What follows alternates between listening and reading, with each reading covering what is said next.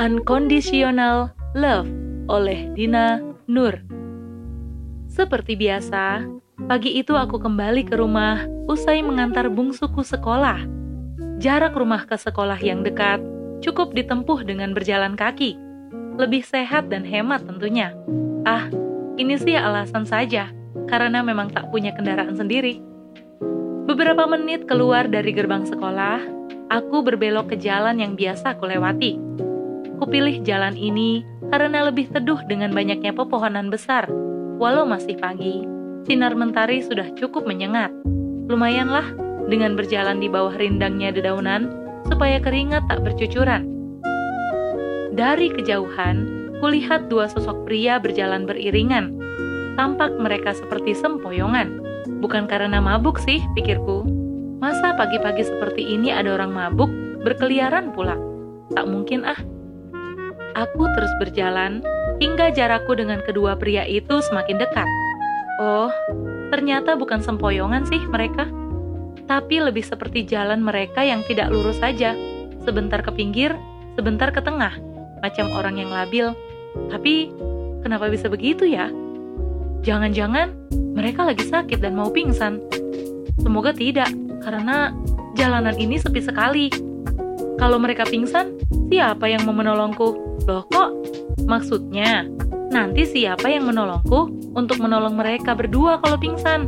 Ah, sudahlah, jangan berpikir aneh-aneh. Lekaslah jalan, biar cepat sampai di rumah. Makin dekat jarakku dengan kedua pria tadi, sedikit lebih jelas sosok mereka. Tak ada yang aneh dari mereka berdua, kecuali mungkin cara jalan mereka yang begitu cuek, tanpa tengok kanan dan kiri, seolah tak memedulikan sekitar dan mereka terus saja berjalan. Sampailah kami hendak berpas-pasan, dan yang kulihat berikutnya sungguh membuat terenyuh. Ternyata salah satu pria itu buta kedua matanya. Ia penyandang tunanetra. Dengan penuh kepasrahan, ia letakkan tangannya di pundak kanan temannya. Sementara pria yang tak buta itu melangkah pelan menyesuaikan langkah pria buta di sampingnya. Kulihat tangan kirinya menenteng plastik besar yang berisi kerupuk atau keripik jualan. Mungkin, entahlah. Pemandangan itu amat mengiris hatiku. Demi melihat mereka berdua, kedua kelopak mataku langsung memanas. Sudut-sudutnya tiba-tiba telah mengembun siap menurunkan gerimisnya. Ku cegah sekuat tenaga agar air mataku tak benar-benar menitik. Tak lucu bila aku menangis di tengah jalan seperti itu. Beberapa detik kemudian, kami pun berpas-pasan, dan Air mata yang kutahan sedari tadi seketika langsung mengalir tanpa permisi. Buru-buru aku hapus. Aku menangis melihat mereka berdua. Sungguh iba rasanya. Gerangan apa yang membuat mereka berjalan-jalan seperti itu sambil membawa sebungkus besar makanan? Apakah mereka tengah berjualan? Tapi, kenapa tak menawarkan dagangannya? Apa mereka sudah makan? Apa mereka masih punya orang tua? di mana rumah mereka? Sudah seberapa jauh mereka berjalan? Beribu tanya dalam hati membuatku kian merasa pilu, membayangkan kehidupan seperti apa yang mereka jalani. Saat itu juga, bayangan kedua putraku terlintas. Piluku tak mampu berkata, putra bungsuku juga memiliki keterbatasan. Ia tak seperti individu lainnya. ASD atau Autism Spectrum Disorder membuatnya kesulitan menjalani hidup di dunia manusia normal. Hati orang tua mana yang tak sedih melihat anak-anaknya dalam kondisi susah, apalagi bila ada yang mengalami keterbatasan fisik seperti pria itu. Bagaimana mereka akan menjalani kehidupan yang sekeras ini? Sedangkan bantuan tak selalu siap sedia, jaminan keselamatan serba tak pasti. Bagaimana bila ada orang jahat yang mengganggu anak-anak yang memiliki ragam kesulitan ini? siapa yang akan menolong dan membela mereka? Syukurlah, bungsuku punya kakak yang luar biasa. Setidaknya, menurutku, sulungku adalah anak yang pengertian dan penyabar. Hampir tak pernah aku melihatnya marah. Seingatku, tak pernah malah.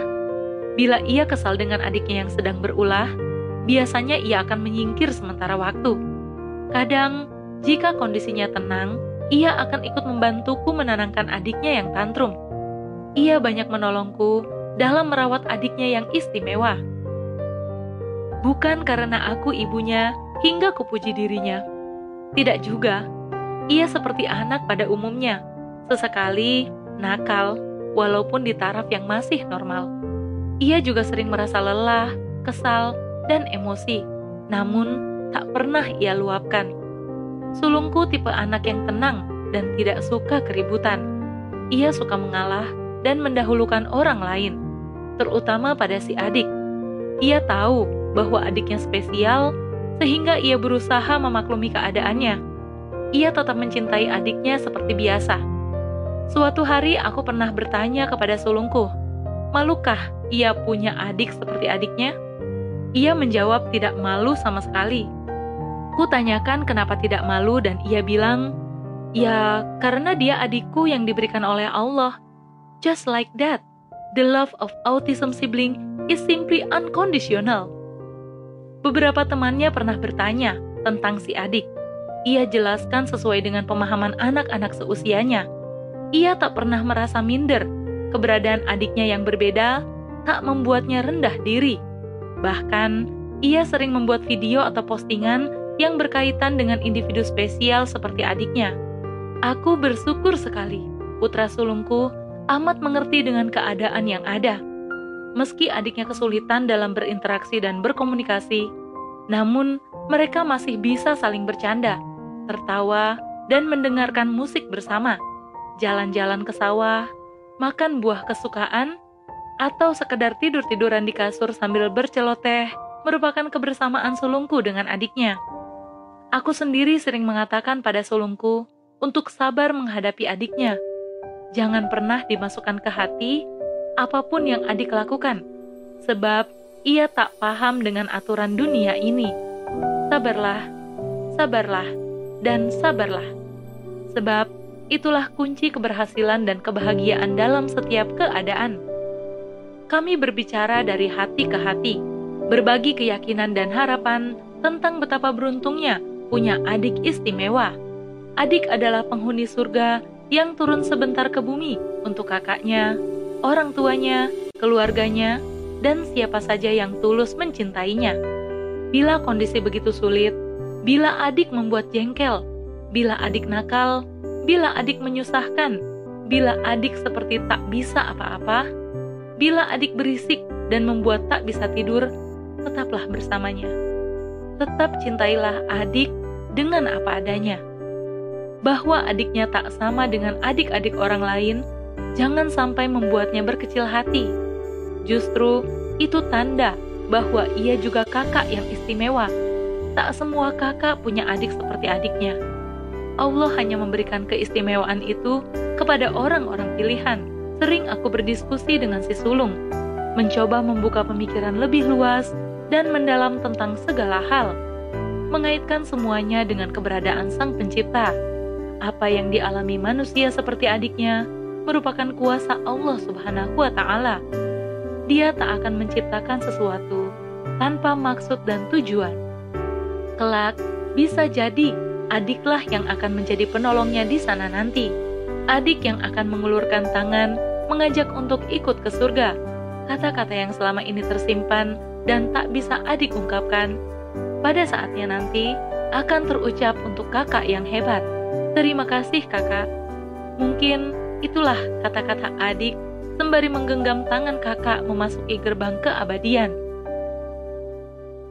Segala perhatian, pertolongan, dan cinta yang kakak berikan kepada adik selama di dunia akan berbuah manis di sisinya. Segala kesulitan yang kakak alami dengan sabar akan menjadi indah di jannah. Kita hanya harus bertahan dan bersabar hingga waktu berhenti.